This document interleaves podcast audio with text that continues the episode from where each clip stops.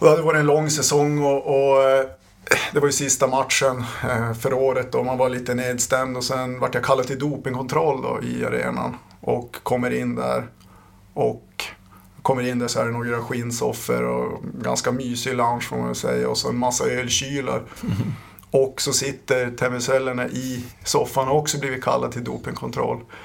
Eh, och Eh, ja, men han bjöd, bjöd ner oss, det var, vi var väl två svenskar tror jag där och sätta oss och ta någon bira. Och vi, vi började surra där och, och jag kommer ihåg så efter två öl så var jag liksom så här att nu ska jag nog kunna pissa men, men just eftersom att det var så jävla trevligt och att det var en liten gammal idol till mig som satte så tror jag höll mig till jag hade druckit fyra eller fem i alla fall så man började lite runda om fötterna där också. Eh, så att, nej, det, var en, det var en häftig upplevelse ändå faktiskt. Han, men han höll sig också då? Eller? Ja, ja det får man väl uppenbara. Jag kanske var helt dränerad på vätskor. kan ju ha varit så. Han spelar säkert mer än mig i den matchen. Nej, men någon, eh, snart är eh, råttet mogat alltså. Persson! Lägger på blå för loppen, kommer skjuta, fintar skott, spelar pucken höger istället, Davidsson skjuter, man lever över returen! Skottläge kommer där! Kan jag få låna micken? I mål! Missar! Hur skjuter karln? Hur skjuter han? Jag kan bara säga att det där är inget skott faktiskt Lasse. Det där är någonting annat. Det där är liksom, han skickar på den där pucken så jag nästan tycker synd om pucken. Den grinar när han drar till den. Utan Fröbo var målvakt! Kan jag få låna micken? Kolla! Poff! En allvarligt talat Leif Boork håller på med hockey i 600 år! Kan jag få låna micken? Det här är SHL-podden från Betsson och det är ett SHL-podden möteravsnitt. Där jag, Mårten Bergman, träffar en SHL-spelare under en timma och pratar lite längre om saker och ting. Denna vecka har turen kommit till Luleås veteran Karl Fabbe Fabricius. Vad vi snackar om och det var många grejer hittar ni i beskrivningen till den här podden. Och vill ni nå mig så finns jag på Twitter, att Martin Bergman eller att SHL-podden där. kan också mejla på solpodd.gmail.com. Nu tillbaka till den 5 november och Luleå Karl Fabricius. Mycket nöje. 1-2, 1-2. Och det var det. Ska jag testa? Ja, men du kan ju säga vad du tyckte om lunchen. Lunchen var väldigt god. Den är väldigt god här. Ja, visst är den bra? ja, jag brukar, nu åt jag fast jag inte ens var hungrig för att den alltid är bra här. Ja, nej, men den är, den är bra. Sen är det ju liksom, vi äter ju varje dag så att det blir lite samma. Man kan Mm. bli lite less ibland men ja, jag håller med. Hur är, är du nitisk där? Eller är det liksom, tar du en skopa extra aioli eller så? Nej, men jag är ganska noga med vad jag käkar. Mm. Det ska jag nog säga. Fast eh, nu, lite grann så här är. Jag, jag försöker vara noggrann i det stora hela och då Mm. kan man ibland liksom eh, unna sig eller slarva som man Mm. också kan kalla det då och då ut med gott samvete tycker jag. Så att jag hittar en bra balans där känns det som. Vad unnar du dig? Oh, det jag unnar mig. Eh, eh,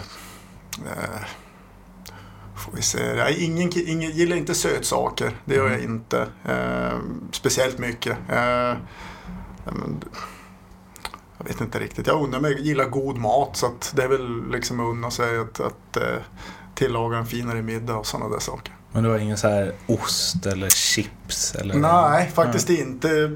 Jag alltid gillat chips bättre än godis. Men jag menar, jag kanske köper chips fem gånger per år. Liksom, Så att det är inte någon last. Eh, inte chark eller ostar heller. Utan eh, jag, jag gillar att äta mat och jag äter ganska mycket mat. Eh, och sen sånt där små plock och sånt mellan är jag inte så mycket för faktiskt.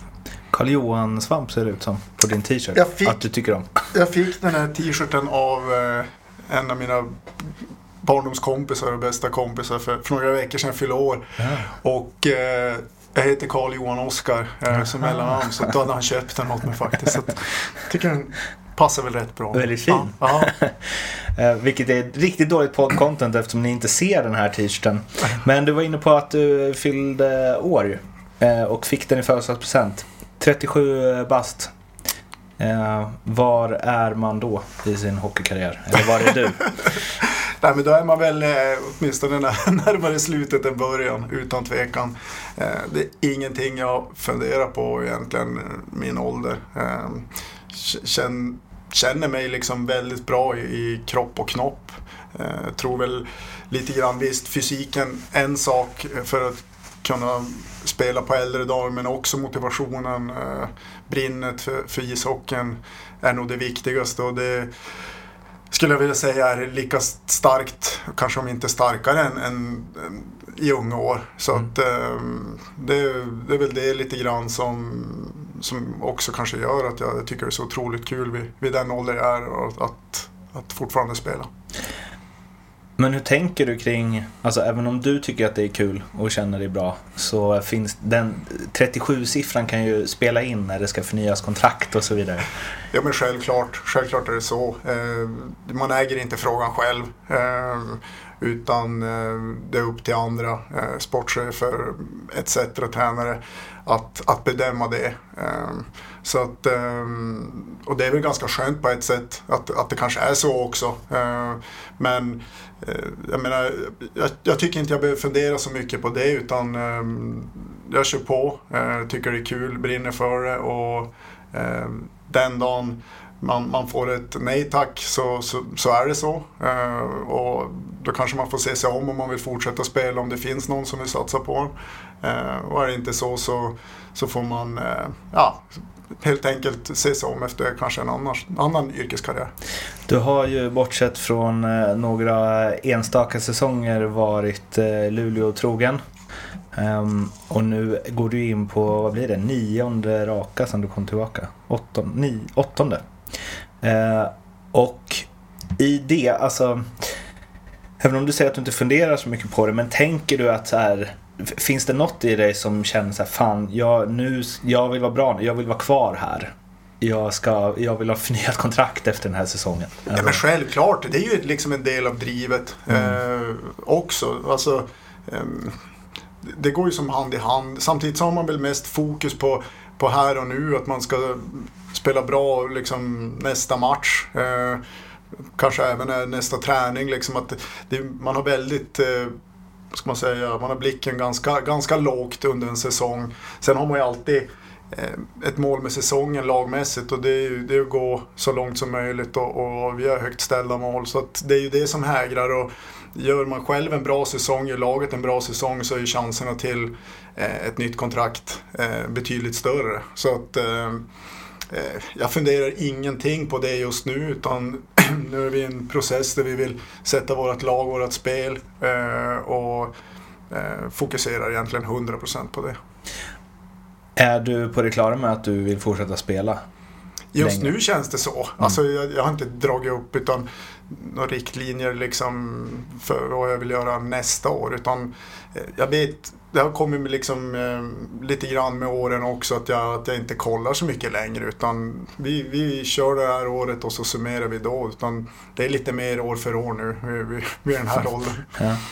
Ehm, om vi eh, börjar lite med de åren som du inte har spelat i Luleå.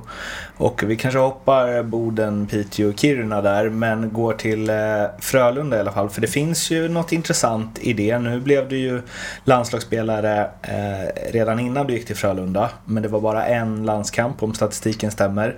Sen hade du ju tre säsonger där då du spelade mycket i Tre Kronor och där man utifrån liksom, eh, statistiken ganska enkelt skulle kunna eh, säga att eh, du hade dina bästa säsonger.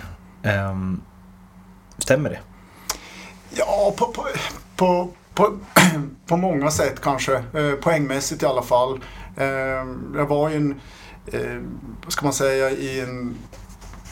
Jag hade tränare som trodde på mig, fick spela väldigt mycket, spelade kontinuerligt powerplay i, i Frölunda. Även om vi hade flera kedjor som gjorde det så, så fick jag väldigt mycket förtroende där. Och, Poängmässigt hade ganska starka säsonger tycker jag. Eh, fick även chansen i landslaget och, och gjorde det väldigt bra där. Eh, jag tror ett av åren där, jag tror jag spelade egentligen alla landskamper under ett år. Eh, Ja, var, 33 stycken. Det måste ju varit. Ja, precis. Jag, tror, eh, jag tror att det blev egentligen alla eh, under ett år och, och gjorde bra med poäng där också. Jag tror jag delade liksom interna poängligan med, med Mattias Weinhandel. Så att, Eh, det var ju liksom starka säsonger, absolut. Sen vet jag inte om det var kanske de bästa säsongerna, jag vet inte. Det, sett till poängmässigt, ja. Eh, sen tycker jag har gjort starka säsonger men kanske i en annan roll eh, efter det.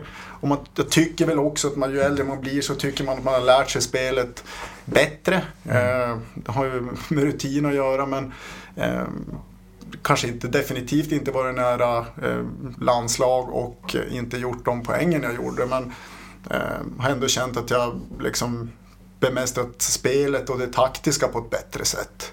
Kanske bidragit mer till laget på, på, ett, på ett bättre sätt. Men ja, svårt, att, svårt att säga om egentligen. Utan, eh, när man är mitt uppe i det så, så är det svårt att ha lite helikoptervy över det faktiskt. Är det... vi, vi försöker ändå ha det. ja, jag förstår. Men är det... Alltså du gör ju mer poäng och liksom landslag och så och det är en säsong som sticker ut än 07-08. Um, men finns det, finns det någonting eh, som, alltså, som hände i att du flyttade härifrån? Alltså att det är lätt att, du har ju talat ofta om dina känslor för den här klubben och så, men liksom mm, jag tycker man har hört spelare ibland som säger ah, men jag stannade där och jag kämpade där, jag brydde mig så mycket. Sen så när jag flyttade hemifrån typ och eh, hamnade i en ny miljö så fick jag en utveckling. Liksom. Ja, nej, men det kan ligga något i det. Och, och, som det såg ut då, mitt sista år i Luleå när jag, när jag drog, så hade jag väl en ganska stark säsong ändå. Jag började, kommer jag ihåg, i, i en första lina med Lubos Bartetsko eh, och fick liksom en offensiv roll och, och, det gick väldigt bra. Jag tror jag första tio matcherna låg nära en, en poäng i snitt. Eh, och, eh, sen gjorde vi rockader för lagets bästa lite grann och Slavomir Lener ville spela mig mer i en checking line liksom. Eh, och vi skulle möta motståndarnas eh, första linje och mer boxplay och sådana där saker. Och, eh, jag tog den rollen, tyckte jag gjorde den bra. Eh, Eh, men kände väl då när jag hade många anbud från andra klubbar att eh, det kanske var ett bra läge att se mig om för att inte kanske fastna i det här facket. Och, eh, då var jag ändå relativt ung, jag tror jag var 22, 23, 23 var jag nog. Eh, kände väl lite grann att ja, men det är ett, ett, bra läge. Jag ville kanske egentligen inte lämna Luleå eh, mm. utan helst vara kvar. Men, men eh, när jag tittade på, på de delarna lite grann så, så var det eh, ja, men bra läge för ett, för ett annat äventyr lite grann. Och, och eh, passade bra då Frölunda också som kanske inte hade heller det uttalade. Eh, de ville ha egentligen helst fyra lines som, mm. som producerade allihop och då kändes det som, som en bra fit eh, för mig vid den tidpunkten. Och, och även Göteborg som stad lockade. Jag hade en del släkt där nere och så så att jag visste att det skulle bli ganska lätt att acklimatisera sig.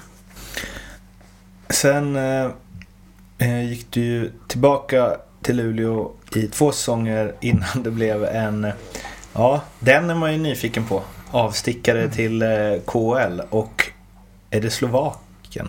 Precis, eh, Slovakien eh, blev Poprad hette klubben som var eh, finns inte längre? Nej, det finns inte längre. Nybildad. De eh, fanns väl ett ett år i Slovakien och sen flyttade de två år till Prag. Då, eh, samma organisation. Så att, det var ju, vad ska man säga, som organisation eh, var det ju inte satt. Om man säger när jag kom dit, det var, det var ganska kaosartat får man säga. Men, men man märkte ändå att eh, alla som var där ville, liksom, ville att det skulle fungera proffsigt och, och eh, väldigt många som jobbade otroligt hårt för att få det att fungera. Sen var det kanske lite för mycket folk, liksom att eh, de hade nog inte, de hade nog bara anställt folk och, och, och alla visste nog inte exakt vad de skulle göra. Så det, det, var lite kaos där, det, det, det var utan tvekan. Jag kommer ihåg försäsongen så så byggde vi om arenan samtidigt som vi tränade så att ibland mm. så gick det rondeller och svetsmaskiner så att det, det bara föll ner eh, sådana här uh, gnistor i visen och vi fick bryta mitt i två målet. Och, så det var väldigt eh, kaosartat där. Och grejen var ju så här att jag, jag åkte dit på en tryout också för mm. att eh, eh, ja, jag för det första inte hade haft något riktigt intressant erbjudande som jag kände att det här brinner jag för. Och, eh, det här kom ungefär i början av juli så, så eh, dök intresset upp. Eh, general managern han, han ville signa mig men tränaren var mer tveksam så att vi kom överens om en tio dagars tryout. Eh, så jag åkte ner dit i mitten på juli när campen drog igång och, och jag tror efter tre dagar så, så sa tränaren att eh, han godkänner mig kan man väl säga. Och eh, jag skrev på då för resten av säsongen.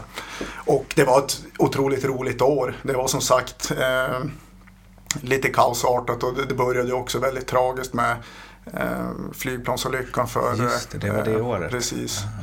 Eh, så att. Eh, men ändå ett, ett av de roligare åren i, i min karriär om man ser till om man ska säga upplevelser och, och ja, men riktigt kul att få uppleva en annan kultur. Jag trivdes väldigt bra där. Varför lämnade du ens Luleå då? Ja, så här var det egentligen. Jag hade ett, ett eh, kontrakt med Luleå efter jag kom från Frölunda på, på se här nu, två plus två år tror jag det var. Mm. Och eh, Luleå bröt det. Eh, de tyckte väl lite grann att jag eh, bang for buck eh, tjänade för bra för, för det jag presterade. Så att de sa upp kontraktet och skulle väl egentligen komma med ett, ett nytt förslag. Eh, men det gjorde de inte. Eh, fråga inte mig varför egentligen. eh, Men de, var väl, de tyckte väl helt enkelt att de kunde hitta bättre spelare. Så att, inga hard feelings där egentligen. Utan, Det var inte det då heller eller? Nej, inte från min sida i alla Nej, fall. Utan det är business lite grann. Ehm, och jag kunde väl hålla med. Jag var inte nöjd med den säsongen jag hade presterat heller. Och, och tänkte väl kanske också att jag kan vara bra för mig att, att komma härifrån. Ehm, så att jag, jag var verkligen inte främmande heller för att... Och då var jag mest sugen på utomlands. Det var det, var det där jag sökte. Och, eh, ja, eh, det var väl ingenting så där. Vi hade lite connections med finska klubbar men jag kände inte att rollen kanske skulle vara superbra. Och, eh, då tänkte jag att ja, men det kanske är ännu bättre att, att, testa ett sånt där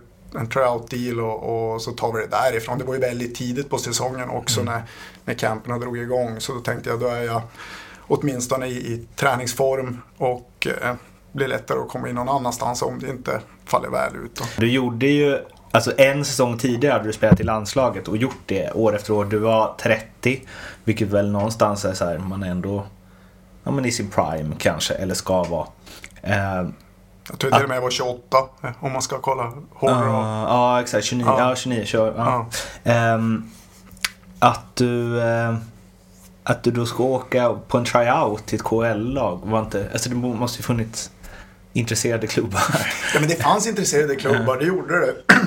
Eh, Samtidigt så det takes two to tango lite grann. Att de intressena som fanns eh, värderade jag lite grann som att eh, de kändes, jag kände inte hundraprocentigt för det.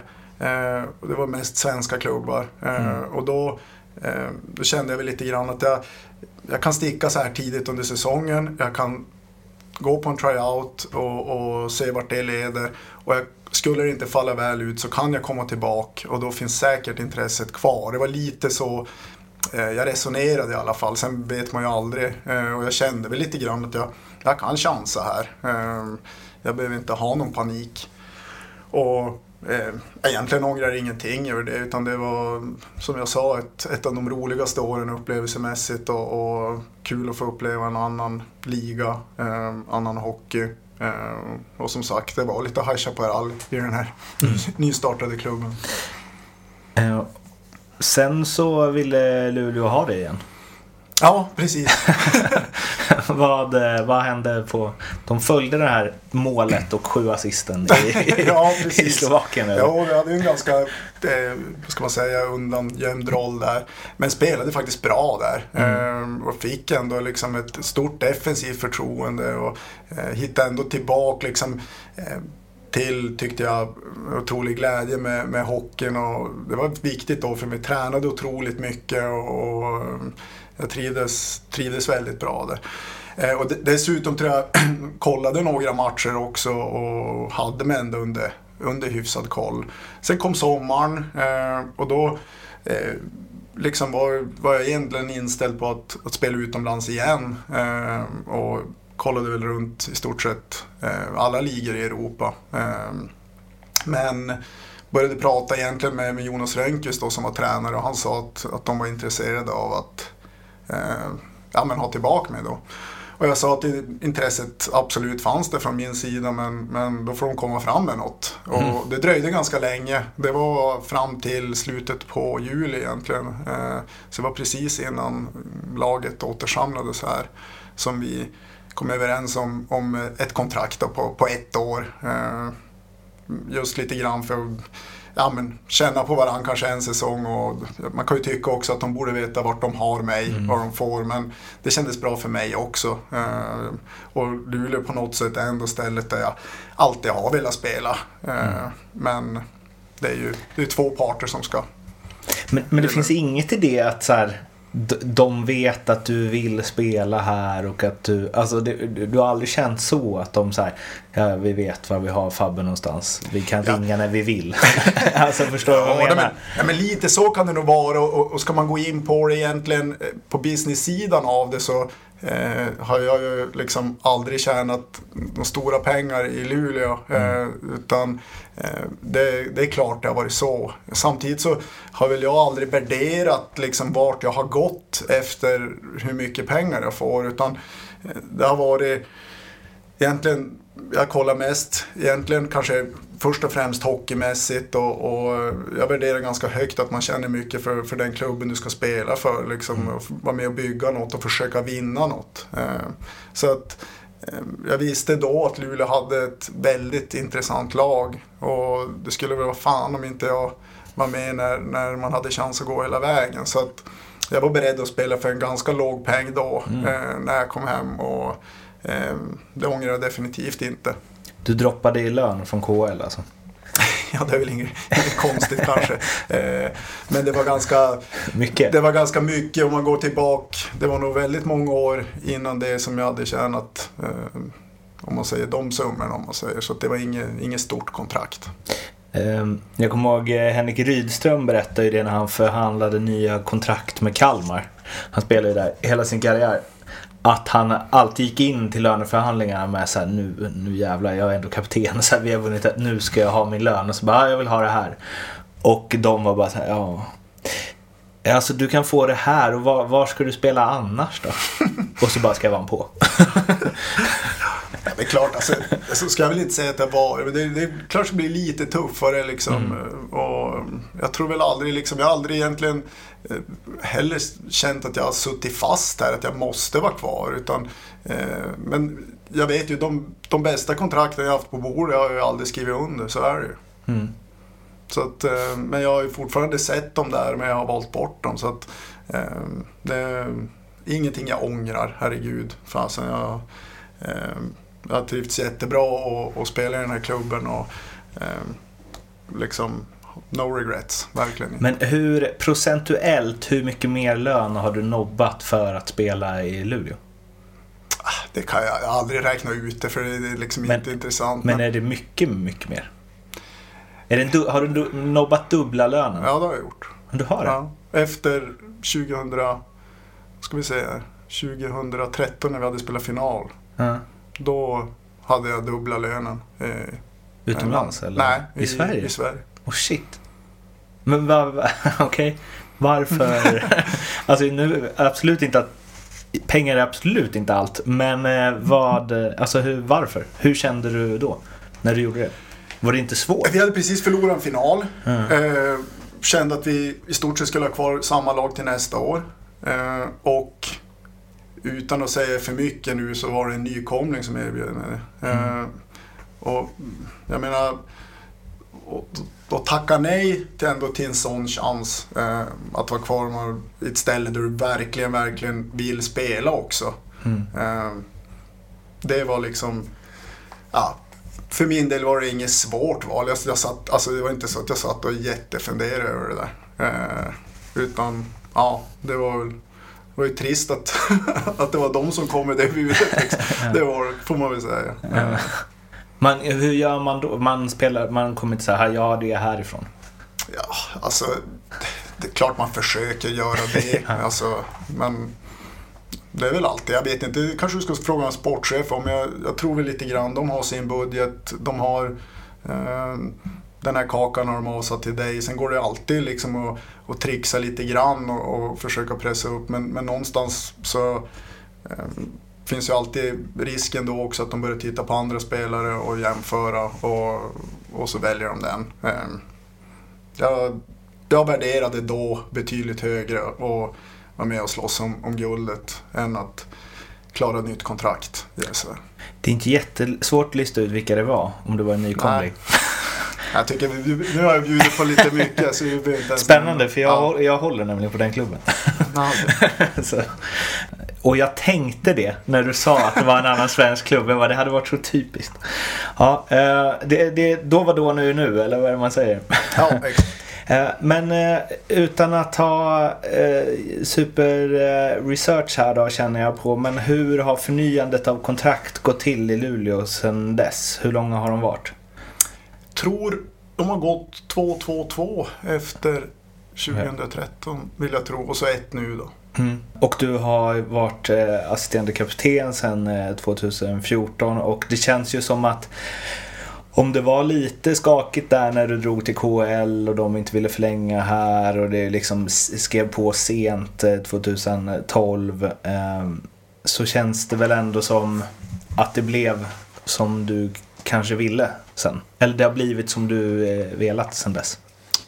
Ja men det får man väl säga. Alltså, jag har verkligen eh, tycker jag liksom man får ju se, se det så här lite grann att jag tror jag kom in under en lägre lönebild efter det och där också tror jag klubben liksom har omvärderat också sin syn på mig. Eh, vill jag tro i alla fall. Jag förutsätter det lite grann. Eh, samtidigt har också min roll varit lite mer undanskymd. Det har i stort sett varit mest fjärde linje spelare och och en defensiv roll, kanske mycket boxplay och sånt under de här åren. Eh, en, en roll som jag har, eh, tycker jag, satt mycket stolthet i, eh, trivts i den eh, och vet också att ska vi ha ett, ett bra lag så behöver man den typen av spelare som, som gör ett, ett starkt jobb där. Och, och, ehm, ehm, eh, så jag har varit väldigt nöjd eh, under egentligen ja, de flesta säsongerna eh, sen dess egentligen med, med ja, men min prestation och, och, och att, att få vara kvar, ska man säga. Det, för, för så är det. Det, det, det är ju det också att, att eh, ja, eh, både klubben och jag ska vara nöjd om man säger. Mm. Du, vi började det här samtalet med att eh, du inte ser så att du, blicken är inte så högt lyft under säsong på framtiden och så utan du fokus här och nu. Om du ändå tänker så här att okej, okay, om du ska följa någon form av snitt eller då är du väl redan förbi det men det är inte jättemånga som spelar över 40 till exempel. Så vi säger att du har tre, max tre år kvar på elitnivå. Om du tänker på det, vad får du för känslor då? Ah, alltså, jag har spelat med många som, som har spelat upp i, i åren senast. Eh, Janne Sandström, eh, kille som gjorde det fantastiskt bra. Vi har haft eh, ja, men Roger Åkerström i den här klubben Just. också. Vi har, jag spelade med Niklas Andersson eh, i Frölunda. Även Jonas Jonsson var ju uppe i åren också. Eh, Man har ju lärt sig från dem hur de för sig och eh, liksom, de tränar otroligt hårt allihop. Och det, det försöker jag, det har jag tagit fasta på. Att, att man måste förbereda sig och lägger stor vikt i det på de timmar som jag inte är här på ishallen. Hur, tänker hela tiden egentligen på vad man stoppar i sig och under liksom eh, återhämtningsmånaden eller sommarträningsmånaderna så, så eh, fuskar jag inte med någonting egentligen utan försöker eh, hela tiden vara 100% i min, min eh, förberedelse. Sen, sen måste man också, det har man ju lärt sig, att man måste kunna vara avslappnad och, och, och ha roligt också. Och, eh, ibland får, får man unna sig saker. Eh, men den balansen tycker jag att jag alltid har haft egentligen. Men eh, tränar otroligt hårt i alla fall. Och, vill inte blicka framåt längre, liksom du ser tre år där framåt. Det, nej, det, det är alldeles för länge, liksom, tycker jag. Och, utan, eh, får vara tacksam. Det kan komma en skada också här och man får vara tacksam att man är, man är skadefri och, och, och, och liksom kan köra på för det, det är också en förutsättning. Men det finns inget så här eh, vad säger man, någon ängslan eller vemod i att det här kan snart vara slut. Njut nu för Ja, fan. nej, men jag njuter alltså, mycket mer ja, nu. Det, ja. det, än vad jag gjorde när jag var yngre. Herregud, jag, jag tycker det, alltså det, det är det roligaste som, som finns egentligen att komma och lira hockey. Och egentligen all bollsport älskar jag. Eh, Om det är som innebandy eller fotboll så man kan ha lite ont i kroppen och, och, och det kan liksom besvär här och där men så fort man, man slänger ut en puck eh, och vi börjar liksom spela eller så, så så så är det något annat som tar över och det tror jag alla hockeyspelare känner igen sig i.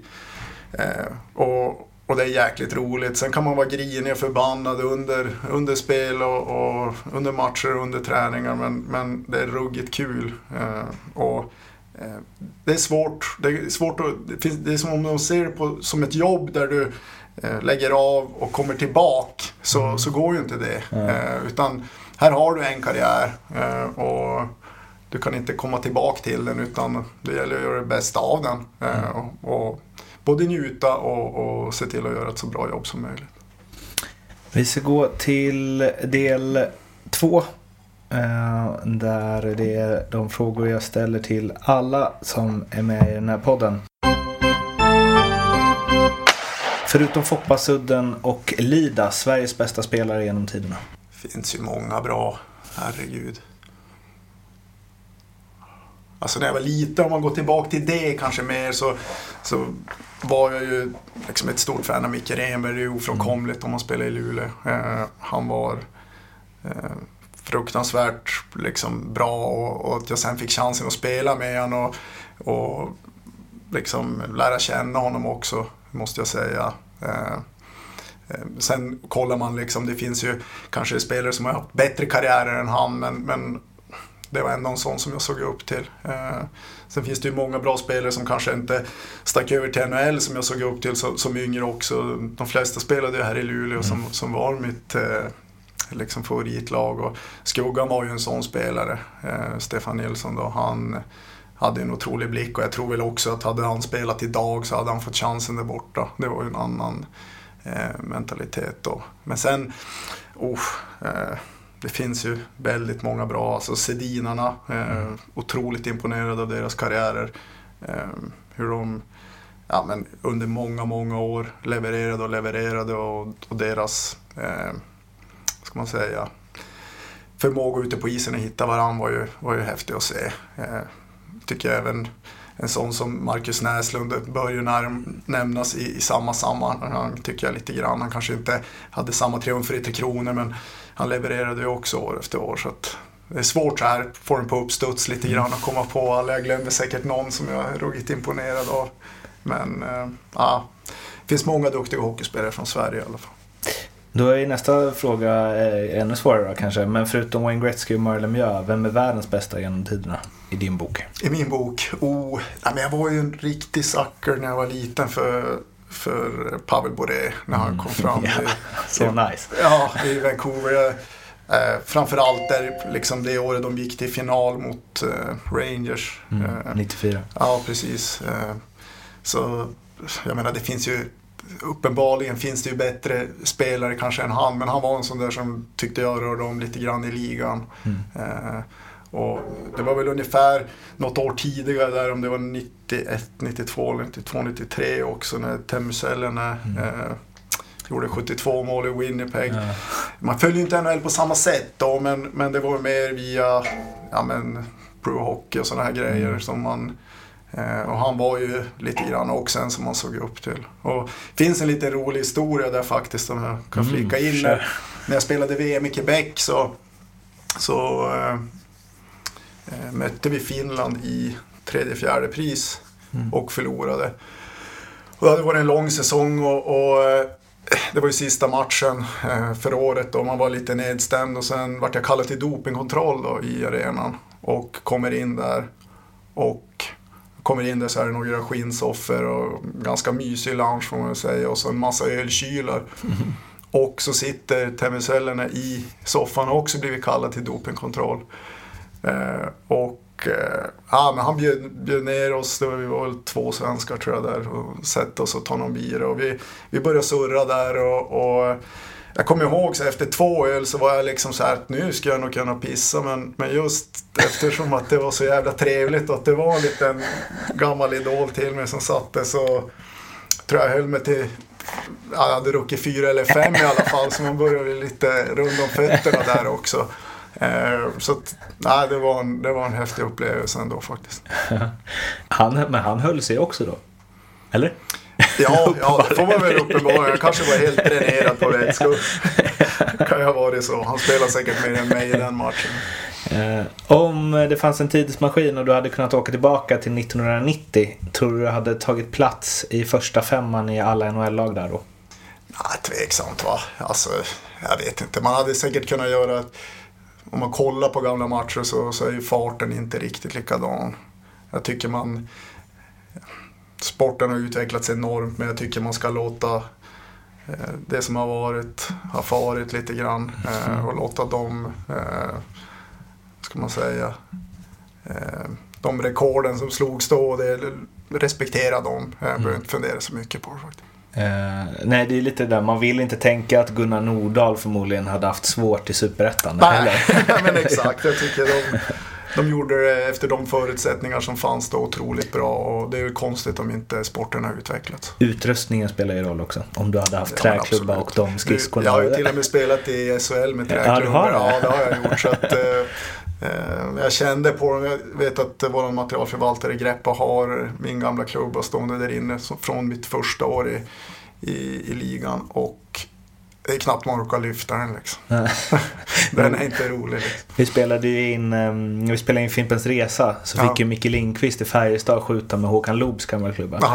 Och vi fick inte det på film för han ville testa först hur det kändes. Och hans första skott, alltså det var ju meter utanför. Ja, ja, men det Alltså- är liksom en helt annan teknik hur du, hur du skjuter. Nu Mm. använder du ju som klubbans vikt mer än vad du gjorde då. Mm. Eh, Så att det ser man ju på anläggningen och sånt där att det var mer liksom en typ av dragskott-aktigt lite grann. Och, ja, eh, man får väl säga det är väl väl kan jag Ja. tycka också. Jag tycker det, det blir snyggare mål nu för tiden. Exakt. Om du får tänka helt fritt, vilken regeländring hade du velat testa inom hockeyn? Ja, just nu sitter jag väl bara och tänker på regler som jag vill ta bort. Som Ja. de har infört. Det är ju en Eh, ändring i och för sig. Så det är Ja, bara... eh, Vilka vill du ta bort?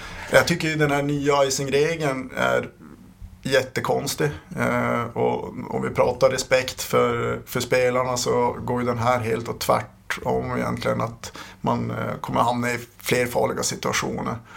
Eh, tycker väl även den här regeln med ska säga, pack out i, i offensiv zon liksom med tekningen där är också eh, det kan bli situationer som, som är väldigt konstiga. Eh, Teckningsregeln, den nya, tycker jag är bra. Eh, Den ska vara kvar. Eh, Men- det? Packa out i offensiv? Nej men alltså hur ska man säga, det, det är ju om eh, anfallande lag skjuter över pucken Ja. så ska ju teckningen bli i, i offensiv zon. Och det, tycker jag, det kan jag ja. tycka är bra. Men då var det ju situationer på försäsongen här när man eh, när försvarande lag skulle spela sig ur eh, offensiv, eller egen zon Mm. och pucken styrdes på en offensiv spelare och ut så fick de ändå tek i, i anfallszon. Den här sker ju inte så ofta så att, Mm. Eh, jag tycker bara att den kändes inte helt genomtänkt och varför ska man ändra bara för att ändra lite grann. Mm.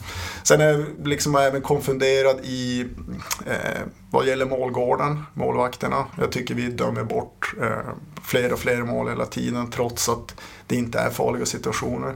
Ehm, nu, man blåser även av nu så fort en spelare touchar eh, färgade området, vilket jag tycker är onödigt ibland. Det, eh, man pratar om att speeda upp spelet på matcherna men då lägger man till en regel som gör att det blir fler avblåsningar. Så att, jag, jag är inte helt såld på, på förändringarna. Eh, och eh, just det här med att ta bort fler mål, eh, det, det gagnar inte sporten tycker jag.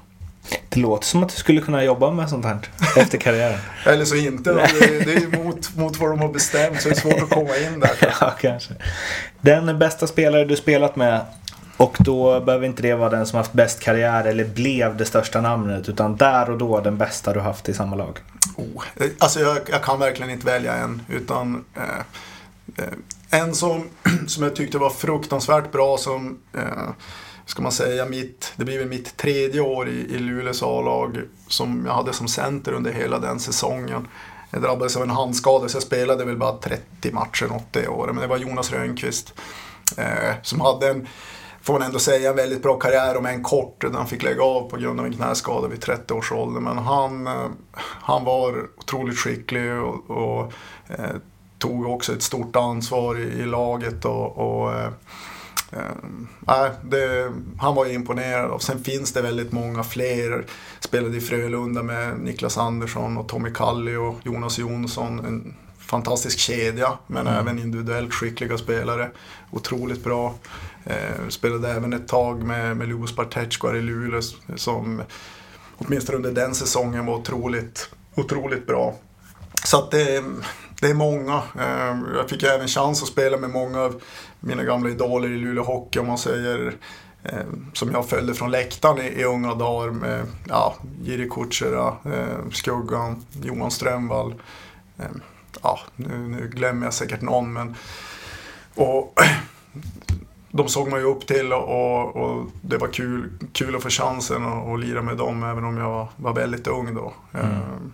Sen ska inte glömma heller spelare som ja, men, Linus Klasen, Erik Gustafsson nu, eh, Niklas Olaursson. Eh, ja, men det finns väldigt många duktiga spelare. Och, Sen i landslaget fick man ju chansen också att spela med väldigt många. Så jag har nämnt väldigt många grejer. Och men jag tycker Rönnqvist känns som ett eh, spännande svar. Jag gillar det. Ja, men han präglade ju mig också mycket. Han, han, han var ganska mycket liksom ja, men styrande och eh, jag kom egentligen från Piteå då, en, en helt okej okay säsong i Allsvenskan men, men han eh, eh, man styrde oss ute på isen hur han ville ha det lite mer. Vi, mm. vi, spelade kanske inte riktigt som resten av laget. Det var lite mer fritt ofta på den tiden att man eh, fick eh, ja, men ha kanske lite egna uppspel i kedjorna och, och sånt där. Att eh, alla behövde inte följa samma riktlinjer. Och, nej, men han, han tog ett, ett stort ansvar och, och, och var en verklig pådrivare. Ingen slump han... att han blev coach? Låter Nej, det tror jag verkligen inte. Utan han var lite grann en, en halvcoach också som mm. spelare. Uh, och det var väl lite det, han var ganska tidig med det, att vi, vi spelade lite så redan då. Uh, mm. och sen förädlade han väl det innan han, sen när han satte ihop sitt, sitt program för, för att bli coach. Då. Den bästa spelare du mött utifrån samma kriterier? Oh. Ja, det är också svårt. Jag spelade i VM där så fick jag ju chansen att spela mot eh, eh, Alexander Ovechkin bland annat i Ryssland. Och, och eh, han var ju verkligen, han hade liksom slagit igenom ganska ordentligt i Washington då. Jag kommer ihåg, man var imponerad av honom absolut. Och sen tyckte jag, vi mötte ryssarna där i, tror jag första gruppspelet i VM. Och man tyckte som att, ja men han har inte, han har inte riktigt liksom varit så bra som jag trodde. Och sen tror han kvitterar eller avgör, tror det blev 3-3 matchen. Ja, kvitterar de med tre sekunder kvar av matchen mm. så att han klev fram när det behövdes. Så att, eh, men där såg man ju också ändå att, att det fanns mycket. Eh, sen Även i KL fick jag chansen att spela mot en gammal barndomsidol lite grann, Alexander Yashin mm. eh, och, och mm. Alexei Kovalev. Ja. Och de var ju lite på dekis får man ju säga. De jobbade inte ihjäl sig. Och, mm. och, men framförallt Kovalev var ju en sån där kille som, som man tyckte var eh, riktigt skicklig och, och en sköning. Eh, mm. Mött Jager också när han mm. var med landslaget när han var i Omsk. Det var också en, en, eh, en otroligt eh, skicklig spelare. Eh, så att eh, det är svårt att plocka ut någon. Eh. Du har spelat mot liksom eh, hela min gamla hockeybildspärm. Ja, men det är lite samma. Jag hade också hockeybilder. Eh, nej, men det, det var kul. Sen är det svårt att plocka ut en som att just att den var den som jag är mest imponerad av. Det, eh, Radulov vet jag mötte en match i KL där vi ledde tror jag 4-1 inför sista perioden och sen gör han hattrick i tredje. Eh, och egentligen det var som att han bara väntade på att ja, nu är vi illa ute, nu, nu, nu kliver jag fram. Mm. Och just den perioden var ju väldigt imponerande att se. Men mm. eh, ja, det är svårt där också. Den bästa tränare du haft?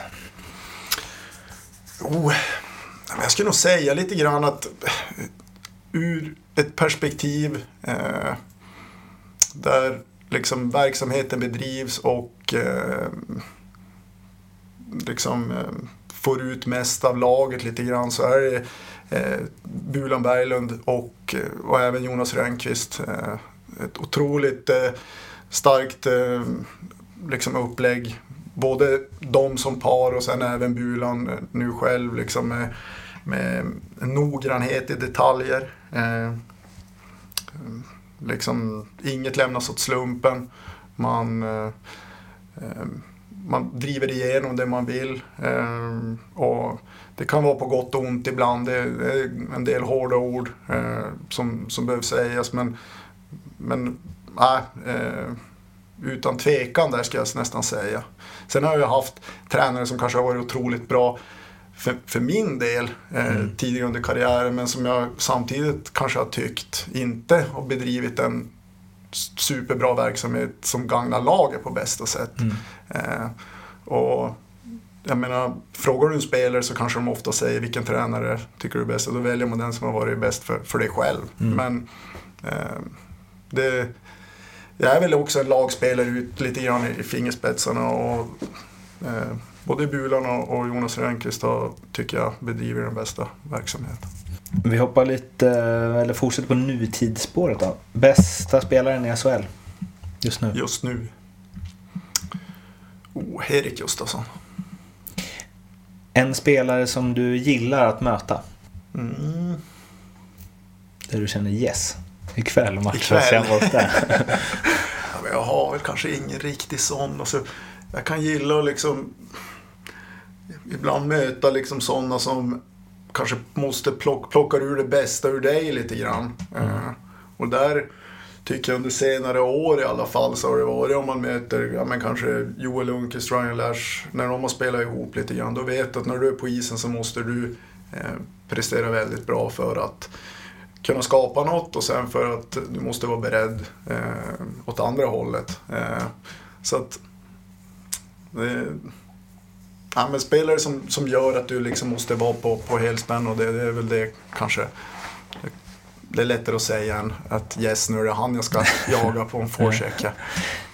eh, om vi vänder på det då. Någon du ogillar att möta? Där du känner nej.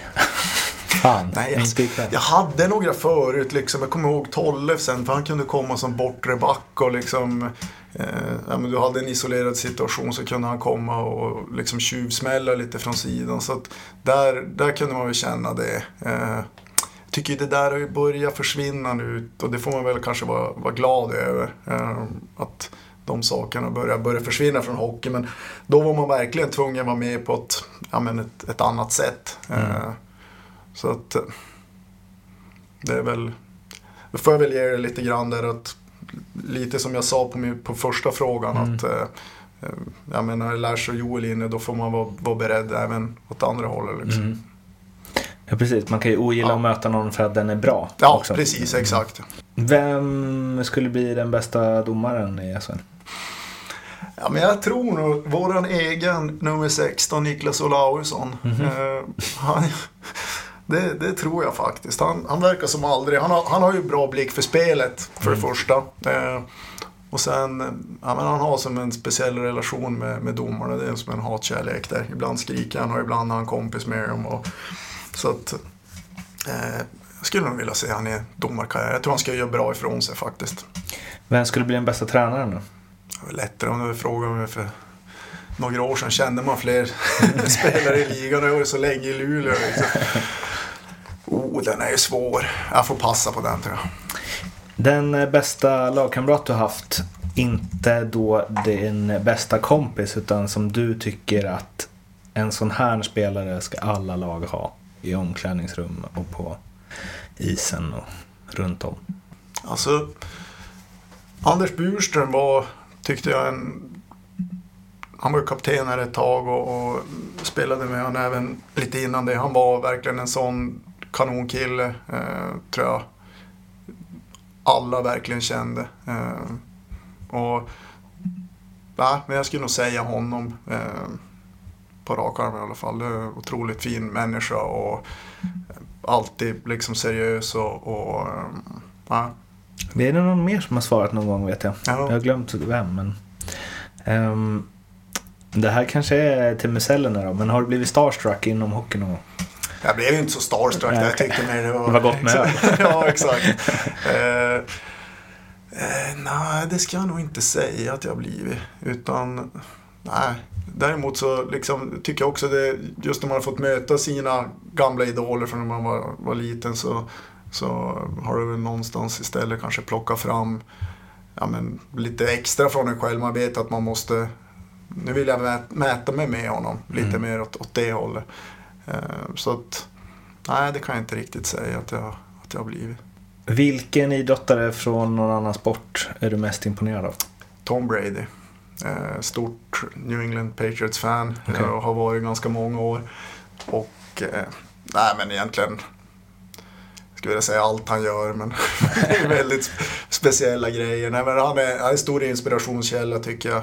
Eh, och hela, hur hela den organisationen jobbar. Eh, Det tycker jag eh, Ehm, liksom många borde titta efter och liksom eh, försöka sno det de gör bra. Ehm, oavsett liksom hur många som försvinner från laget så, så är de alltid med, eh, med och slåss om det. Och, eh, Brady också, han har ju visat, ja, men, bara med alla ringar han har men sen även alla finaler han har spelat och, och att år efter år göra det bra vid den åldern är ju otroligt imponerande. Vilken egenskap som hockeyspelare är din bästa?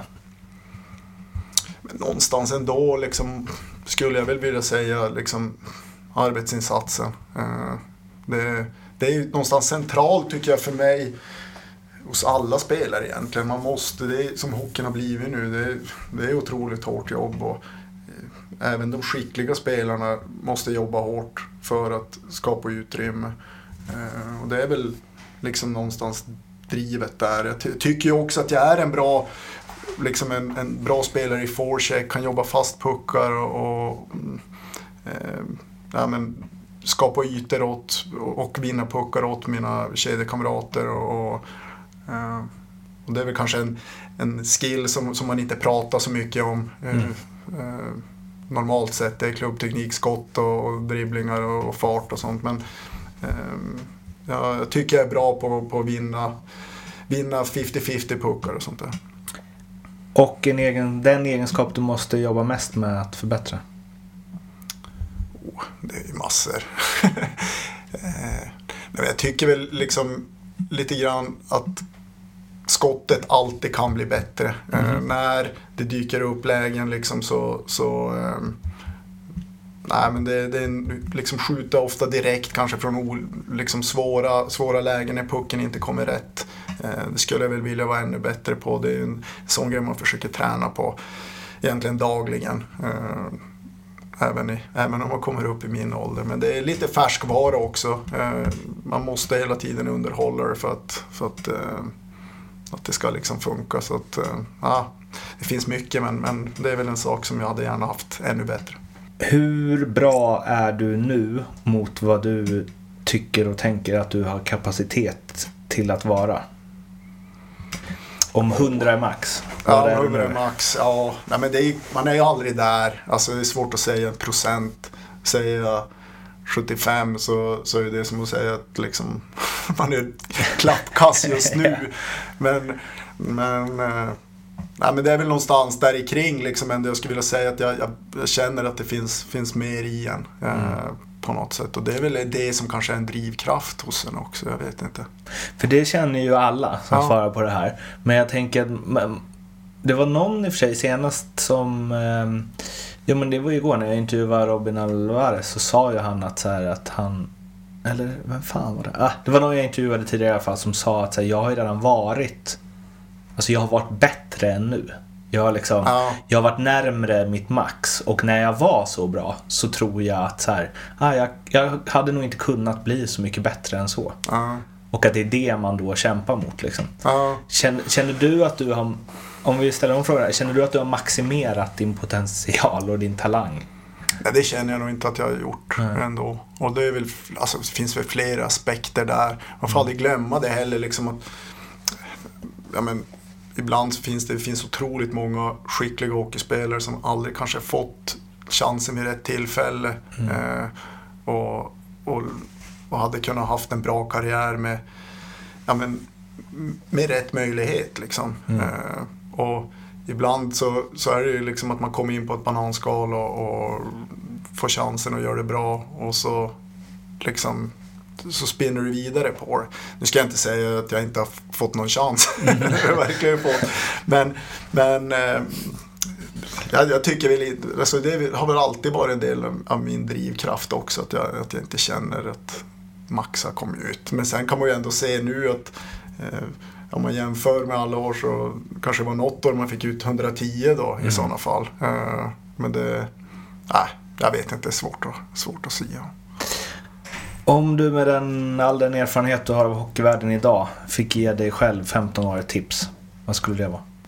Oh, det är ju så jäkla mycket. Herregud, jag hade ju inte ens tappat den där 15-årige Karl redan efter inledningen höll jag på att säga. Nej, men det är väl... Oh. För det första träna väldigt mycket. Alltså, Mer än gjorde- vad du ja, gjorde, det gjorde, alltså Jag tränade otroligt mycket men ibland kanske också rätt grejer. Mm. Eh, alltså, jag hade en... Jag måste säga det att jag hade en otroligt, eh, tycker jag, kompetent ledarstab liksom från det jag var nästan 12 år. Hela vägen liksom var det perfekt för mig. Men just ibland kanske den individuella träningen kanske inte hade utvecklats på samma sätt när jag var junior som den är nu. nu, nu de juniorer som kommer upp nu har ett, en ska säga, bättre verktygslåda låda individuellt eh, än vad många i min generation hade när de kom upp. Eh, och den hade ju varit skönt att ha, kan jag tycka. Eh, men samtidigt så kanske vi var mer lagorienterade. Eh, jag kommer ihåg även när vi gick hockeygym så tränade vi liksom olika spelsystem. Vi skulle, man skulle kunna ett rätt. Eh, Trots att vi inte spelar här i Luleå. Man skulle kunna 2-2-1 och, och det här. Och det tror jag inte ens de tränar nu. Utan nu är det mer rent individuellt eh, skills liksom. Och, och, eh, det, det ser man tycker jag på dem också. De är skickligare, går lite snabbare. Men sen kanske de måste, de unga killarna också, lära sig lite mer eh, ja, med lagspelet, det taktiska och eh, men jag hade nog gärna haft den eh, verktygslådan de har när man kommer upp, absolut. Vem har betytt mest för din eh, karriär? Kanske låter konstigt det här, men Roger Rönnberg, Frölundas tränare just nu, hade jag då från J18, eh, J20, hade han även på hockeygym eh, och sen upp i A-laget. Här kom, följde han som med upp som assisterande tränare efter jag hade varit uppe något år. Så jag hade han i väldigt många år och ehm, eh, ja, som sagt, han har nog en av de som har mest träningstimmar med mig också. Så att ehm, eh, respekterar honom otroligt, bedrev en kanonverksamhet. Eh, och han var ju, han har ju säkert utvecklats på, på många sätt sen, sen dess eh, i Frölunda. Men, men han, eh, vi hade en bra grupp, eh, om man säger här i Luleå. Och han, han drev den på rätt sätt. Vi, vi, ja, jag tycker vi fick lära oss det mesta och, och, och det var en ganska tuff jargong också. Men, men, eh, eh, så han är väl, han är väl en, av, en av dem, absolut. Som du uppfattar det, vad är den största allmänna missuppfattningen bland folk om hur livet som professionell hockeyspelare är? Ja, men det är nog hur mycket tid vi lägger ner på, på det här och hur det formar vår vardag och vårt liksom, tankesätt. Det är ju nästintill, jag skulle säga 24, det är 24 timmar om dygnet. Man ändå alltid har i bakhuvudet eh, ja, men, liksom hur man ska förbereda sig på bästa sätt. Om det är inför nästa match eller om det är även på sommaren, liksom, träning och sånt där, Eh, så, så är det alltid med. Och det tror jag inte många tror, hur, hur många timmars förberedelse det är bakom en match eller det de ser. Eh, Så att det är inte så, så glammigt kanske utan det är väldigt mycket hårt jobb och, och, som vi lägger ner. Så att, eh, det är väl kanske det. Din största framgång inom hockeyn?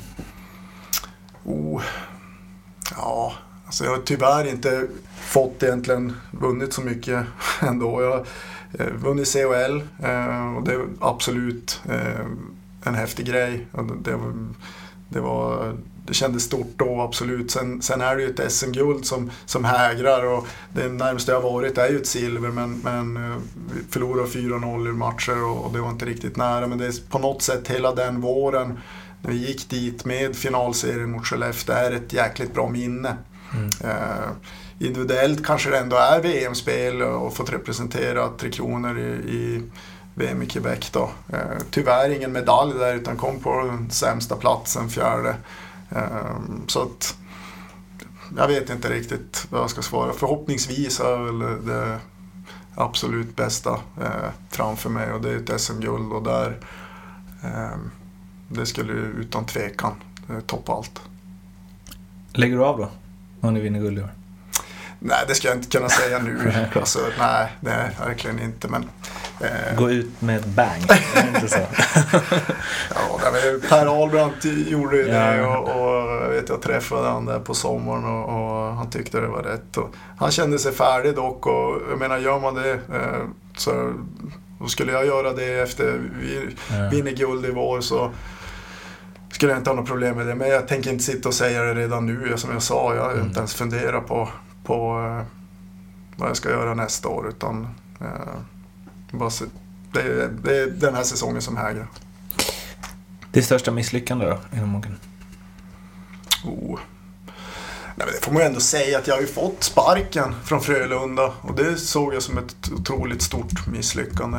Eh, Det var, ja, det var tufft liksom och, och det var ju något som jag absolut inte ville. Jag, jag gjorde verkligen allt för, liksom, för att visa upp att jag ville vara kvar och, och tycker den försäsongen Eh, innan jag fick sparken mitt under försäsongen kan man säga, några, några veckor innan seriestart. Eh, så hade jag ändå, tyckte jag, visat att liksom med ja, men, mål assist på försäsongen och, och, och tycker jag även att jag spelade bra, att jag, att jag förtjänade en plats där. Så att det kändes som ett, som ett stort misslyckande. Eh, Varför fick du sparken? Eh, landslagsspelare. Nej men det var, alltså vi hade, de hade ju plockat in väldigt mycket bra spelare liksom och jag tror lite grann, jag tror Pebben kom hem under sommaren och det hade de kanske inte räknat med. Så att vi hade ju en, en maxad trupp, det var inget snack om det. Så jag och Jonas Nordqvist fick eh, sparken på samma dag där, någon, någon, kan det ha varit två veckor innan seriestart, kanske tre.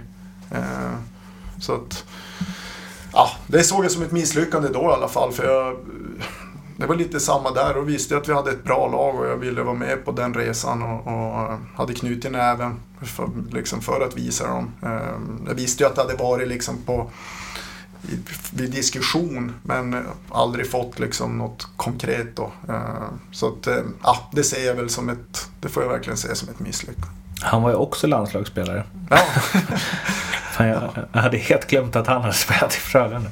Vad är det sjukaste som hänt inom hockeyn? Slash en riktigt bra anekdot med behind the scenes-känslan. Nu har du dragit den här om cellerna, men Ja. eh, har du någon mer?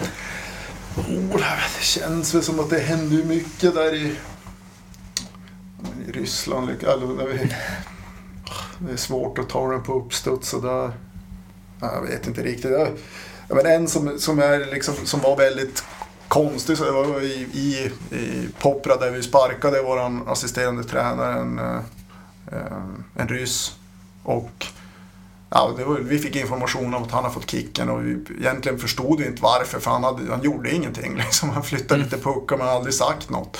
Men sen dök han bara upp dag efter dag efter han hade fått sparken och stod i, i omklädningsrummet med skridskorna på och var med på isen. Och så till slut så det var ju någon av, av de som kunde ryska som frågade honom att varför, varför är du kvar? Liksom. Äh, men min advokat har sagt åt mig att innan du har fått sista lönebetalningen så, så eh, då måste du vara på plats så att de inte kan hävda eh, att det är du som, som bryter avtalet. Liksom.